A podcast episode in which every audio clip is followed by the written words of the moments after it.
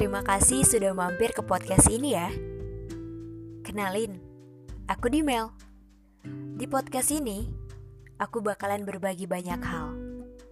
Bukan sekadar percintaan atau kehidupan, namun apa pun itu yang terlintas dalam pikiran. Semoga podcast ini bisa nemenin kamu ya.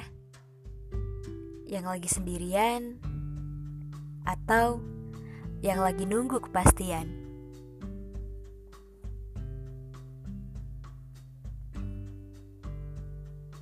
Kita tahu bahwa perkenalan adalah awal dari rasa saling membutuhkan. Mungkin awalnya sekadar berupa ketertarikan, tapi kok makin sini jadi makin sayang. Dan kemudian muncul deh rasa-rasa kekhawatiran dalam sebuah masa yang disebut PDKT-an. Semua orang pasti pernah sih berada di posisi ini, mencoba menjadi orang nomor satu yang selalu menunggu dua checklist abu jadi dua checklist biru. Momen PDKT-an memberikan banyak pelajaran yang beragam. Dan beda-beda tiap orang. Ada yang lancar jaya sampai jadian, atau malah ribut dan berhenti di tengah jalan. Emang sih, PDKT-an harusnya jadi hal yang mengesankan.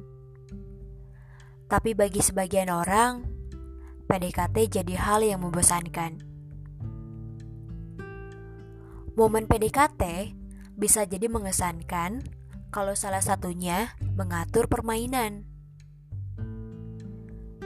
Tapi bagi orang yang ingin langsung mengungkapkan kejelasan dalam hubungan, PDKT jadi hal yang membosankan. Entah gimana siklus PDKT yang normal terkadang jatuhnya posesif, padahal belum jadian. Ngatur ini itu, padahal belum resmi jadi pacar. Parahnya nih, bisa-bisa sampai ngekang.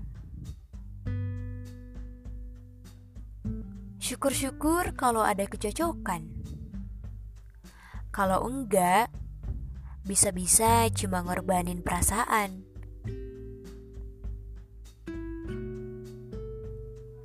Peresmian proses sebuah PDKT pun gak jelas sebenarnya. Tiba-tiba deket, tiba-tiba perhatian, tiba-tiba saling sayang, dan akhirnya terlanjur ada harapan. Ya bagus sih kalau setelahnya ada kejelasan hubungan. Tapi kalau cuma jadi bahan hiburan di kala kesepian, bisa-bisa hati hancur berantakan. Makanya, pada akhirnya sering timbul pertanyaan, kita ini sebenarnya apa? Kalau serius, bakal dijawab dengan mulus. Tapi kalau nggak ada kejelasan dari awal, pasti jawabnya gelagapan. Kalau udah gini, harus bisa sedikit nahan perasaan. Jangan sampai harapan yang sudah melambung jauh ke awan bisa jatuh gitu aja ke dasar jurang. Pesanku, bagi kamu yang lagi dalam masa PDKT-an, semoga terus dilancarkan kalau ada kecocokan.